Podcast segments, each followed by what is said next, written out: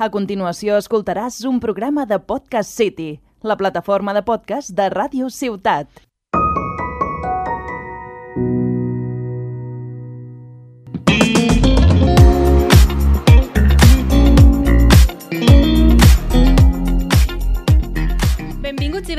Benvingudes al nou episodi de Viatges Sonors, el podcast de Ràdio Ciutat de Tarragona on utilitzem els gèneres musicals com a excusa per escoltar música de tot tipus, que ens sona diferent i que ens sembla interessant analitzar.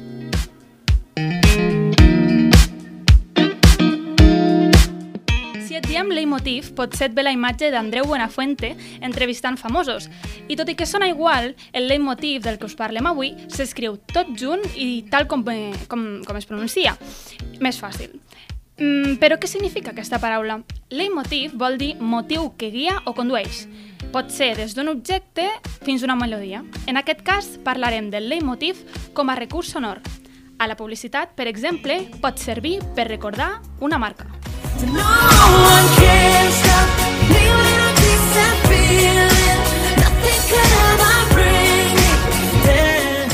Segurament aquesta cançó et vingui al cap una marca de begudes ensucrades.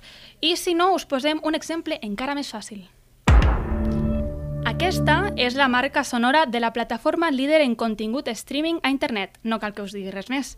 I el fet que ens recordi aquesta marca en concret significa que un so escoltat després de moltes vegades eh, acabem relacionant-lo amb un significat específic dins la nostra cultura. Eh, en el capítol d'avui utilitzarem el cinema i els motius per veure com relacionem la música amb determinats personatges, conceptes o inclús accions. El leitmotiv neix en l'òpera i es diu que es va utilitzar per primer cop l'any 1871 en obres de Calmaria von Weber, però després serà el compositor alemany Richard Wagner el que explotarà aquest recurs a les seves òperes i drames musicals. Wagner va utilitzar molt aquest concepte per vincular la música amb l'argument o amb els personatges que sorgien en les seves històries i, per tant, a part de ser un element artístic, el leitmotiv també es va transformar en un recurs narratiu. Avui en dia, un dels llocs on trobem més leitmotivs és a les bandes sonores, i tot i que també en podem trobar, com ja hem vist, a programes de televisió, videojocs, publicitat, entre d'altres. Es diu que el leitmotiv va ser introduït al cinema pel compositor austríac Max Steiner el 1933 amb la banda sonora de la pel·lícula King Kong.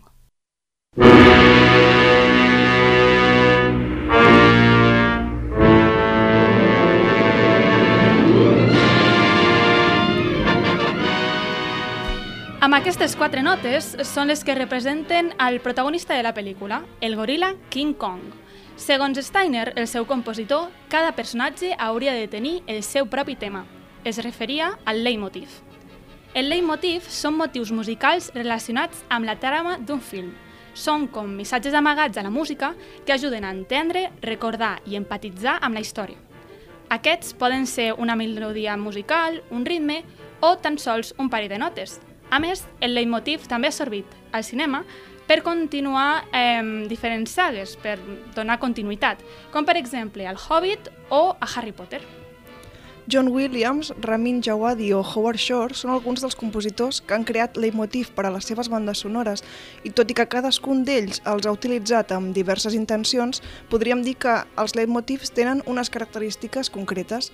Per exemple, sempre estan relacionats a algun personatge, emoció, idea o situació particular, però no tenen per què sortir només quan aquest objecte surti en pantalla, sinó que es, pot, es poden utilitzar per recordar-nos a ell en algun moment important on tenen alguna cosa a veure. També poden servir per donar pistes sobre les escenes, és a dir, poden anticipar el que passarà a la pel·lícula. I, a més, els leitmotivs es poden trobar de forma total o parcial. Això vol dir que pot aparèixer el motiu sencer o simplement una part d'aquest perquè ja en recorda d'alguna forma a la idea completa. Abans d'escoltar els leitmotivs més mítics del cinema, comencem amb un petit repte. A veure si endevineu a quines pel·lícules surten les següents cançons. La primera és...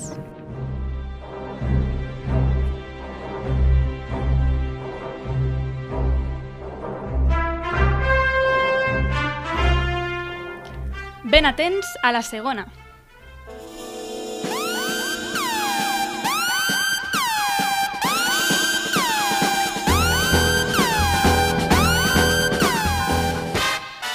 I la última és...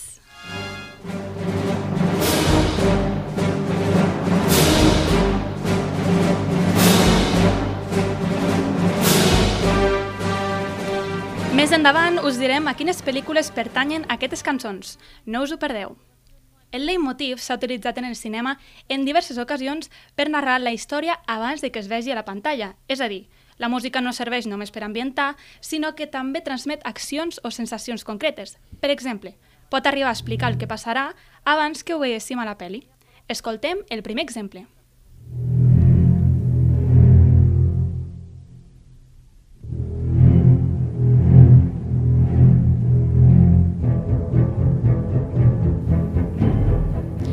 El leitmotiv que representa a Tiburón a la pel·lícula de terror de Steven, Sti de Steven Spielberg es basa en dues úniques notes que repeteixen cada cop més ràpid. Amb aquest motiu, composat per John Williams, fa que l'espectador noti l'amenaça del tauró apropant-se. És un clar exemple de com s'utilitza la música com a recurs narratiu.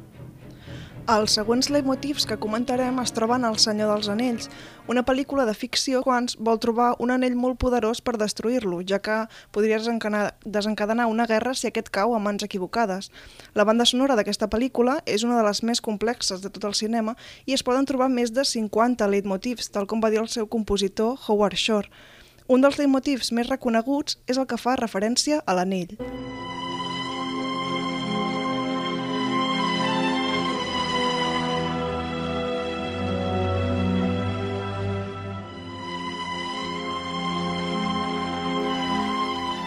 A la primera pel·lícula de la saga, mentre s'introdueix al pròleg la història de l'anell, comença a sonar el motiu característic d'aquest objecte, i a les següents pel·lícules aquest leitmotiv apareixerà cada vegada que apareixi l'anell o que quan se'n faci referència.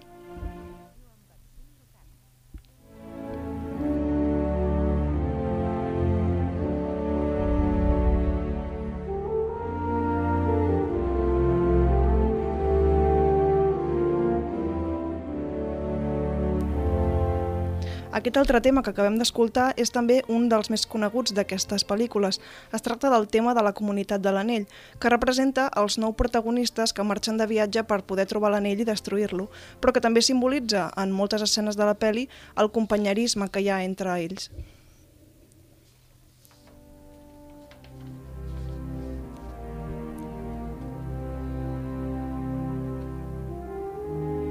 A més, el tema de la comunitat de l'anell es barreja amb freqüència amb el tema dels hobbits, o que també es podria dir tema de la comarca, que representaria ser la casa dels hobbits, ja que ells viuen allà.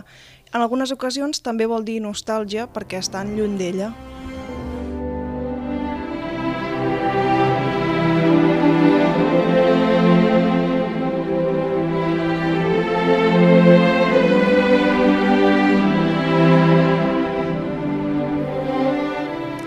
Podria ser d'una altra manera, Howard Shore, el compositor, va plantejar la música de la trilogia del Hobbit, que és la saga que continua El Senyor dels Anells, de manera continu continuista respecte a aquesta.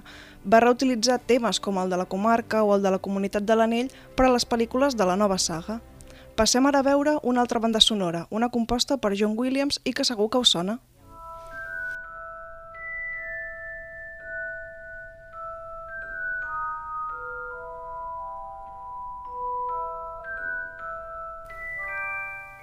Aquesta és possiblement la cançó més coneguda i utilitzada en totes les pel·lícules de Harry Potter, la saga de pel·lícules màgiques basada en les novel·les de J.K. Rowling.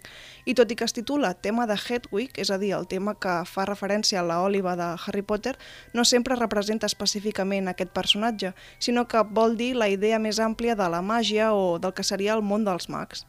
Podríem dir que és una mena d'himne del món màgic, ja que es reconeix sempre, fins i tot si no has vist les pel·lícules. Aquest leitmotiv arriba a aparèixer fins a 36 vegades durant les tres primeres pel·lícules de Harry Potter. Segons el divulgador musical Jaime Altozano, el tema de Hedwig va ser una peça que va agradar tant a l'equip de la pel·lícula i al propi compositor que van desglossar-lo amb varis temes principals que van apareixent sobretot al llarg de les dues primeres pel·lícules. Aquesta cançó sí que genera com nostàlgia de la infància, Sí. de, de quan érem petits. Però bueno.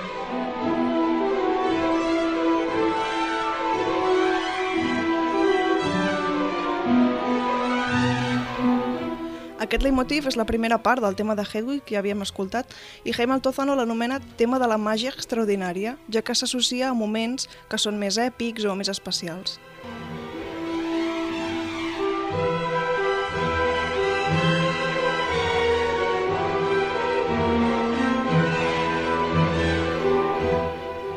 La segona versió d'aquest tema s'associa quan la màgia ja és una cosa més aviat misteriosa i l'anomena tema de la màgia inquietant. Música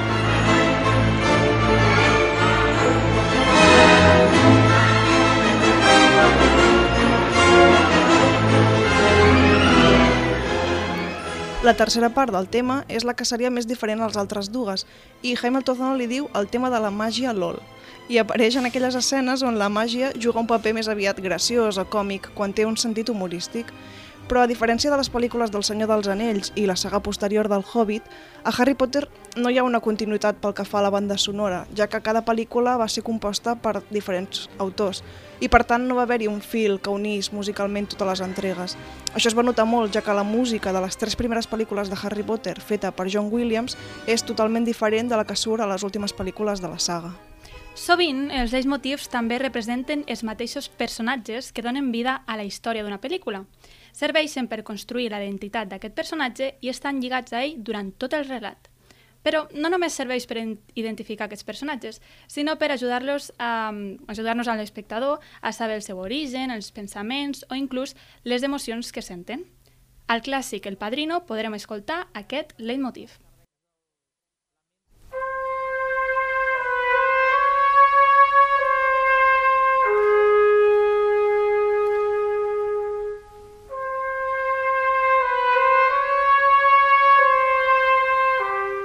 Aquesta pel·lícula la música juga un paper molt important per explicar el personatge principal. El vals del padrino és el tema associat al personatge Vito Corleone, que és un dels líders de la màfia d'una família mafiosa, que és la Corleone, a Nova York. En aquest cas, el leitmotiv està relacionat amb els orígens d'aquest personatge. És un vals que ens remarca que Don Vito és italià.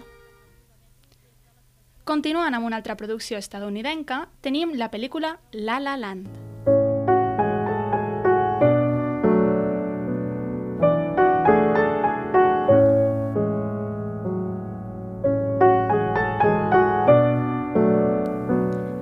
Pel·lícula musical La La Land trobem aquest leitmotiv que representa dos personatges principals, bueno, els dos principals, Mia i Sebastian, interpretats per Emma Stone i Ryan Gosling. L'escoltem per primer cop quan la Mia, una cambrera que somia amb ser actriu, passa per davant d'un pub i se'n torna enrere per, per entrar al lloc mm, cridada per, per aquesta melodia que l'encisa, diguéssim, i és allà on coneix el Sebastian, que és, està, és el que està tocant aquesta melodia a piano.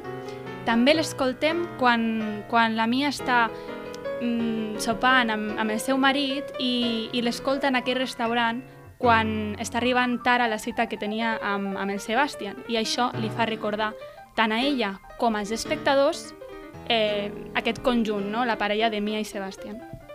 La següent banda sonora que comentarem és la de la pel·lícula La ladrona de libros o La lladra de llibres. Aquest film és l'adaptació d'una novel·la que s'ambienta en els anys previs a la Segona Guerra Mundial, just quan el partit de Hitler estava en auge. La pel·lícula parla de la història d'una nena de 9 anys que és analfabeta però que s'interessa per la literatura i comença a aprendre a llegir. Escoltem el tema principal de la pel·lícula.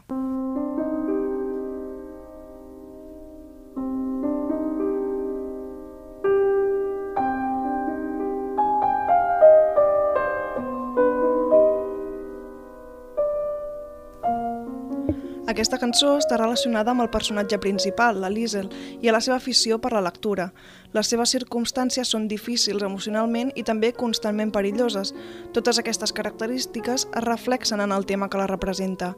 John Williams, que va ser el compositor d'aquesta banda sonora, aconsegueix posar l'espectador en la ment de la nena i descriure tots els sentiments i sensacions que ella va vivint al llarg de la història.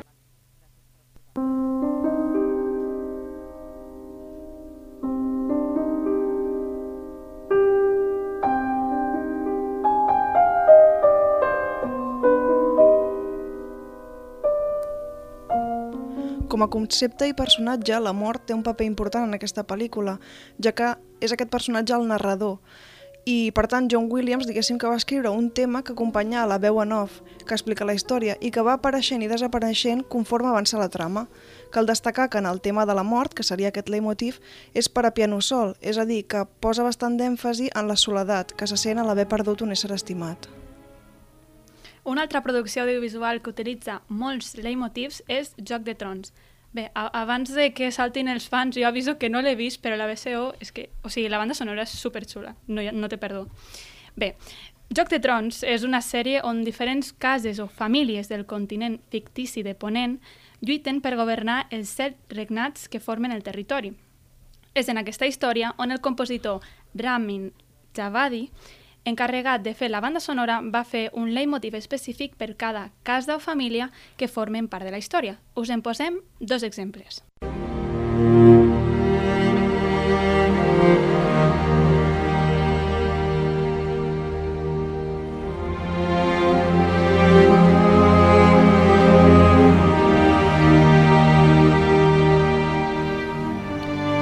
Aquesta cançó tan majestuosa representa la casa Stark, que són una família noble del nord, d'on van ser reis durant un temps, i que tenen com a símbol el llop, i destaquen per valors com la lleialtat i l'honor. Quan apareixen personatges que formen part d'aquesta família, sona la melodia que escolteu ara, o una variant similar, perquè així es relacioni més fàcilment el personatge amb la casa Stark. Una altra de les famílies que tenen una melodia insígnia és la casa Lannister i la seva es titula Les pluges de Cam- Castamere.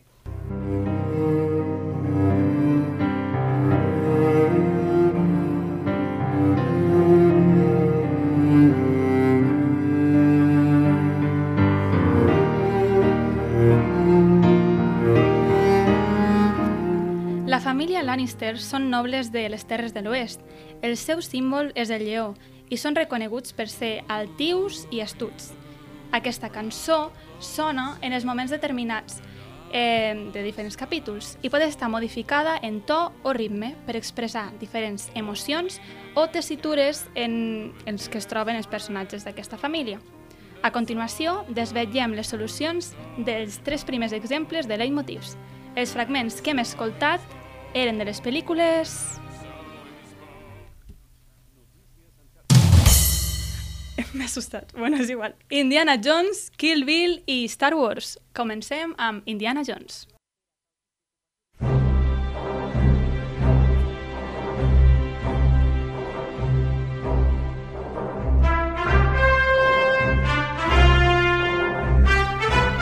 Aquesta és una de les cançons més famoses d'Indiana Jones. Es diu Marxa dels lladres, dels lladres. Diables no.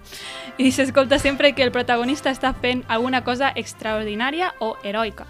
Per tant, la música la relacionem amb l'aventura i també l'esperança.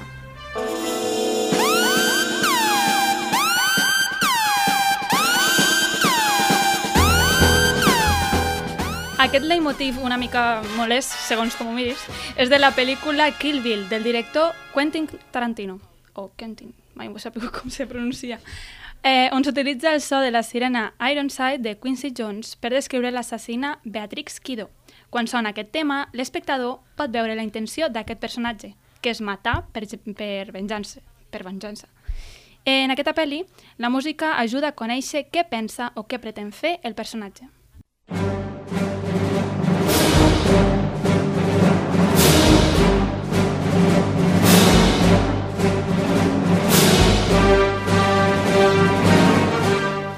marxa imperial de la saga Star Wars és una de les cançons més reconegudes al cinema.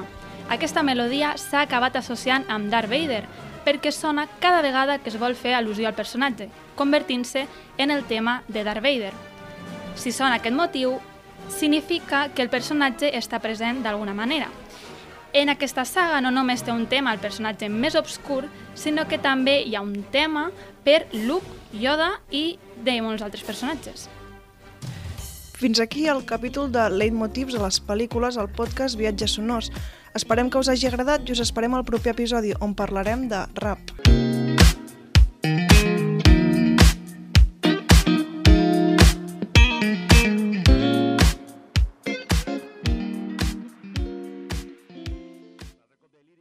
Has escoltat un programa de Podcast City, la plataforma de podcast de Ràdio Ciutat.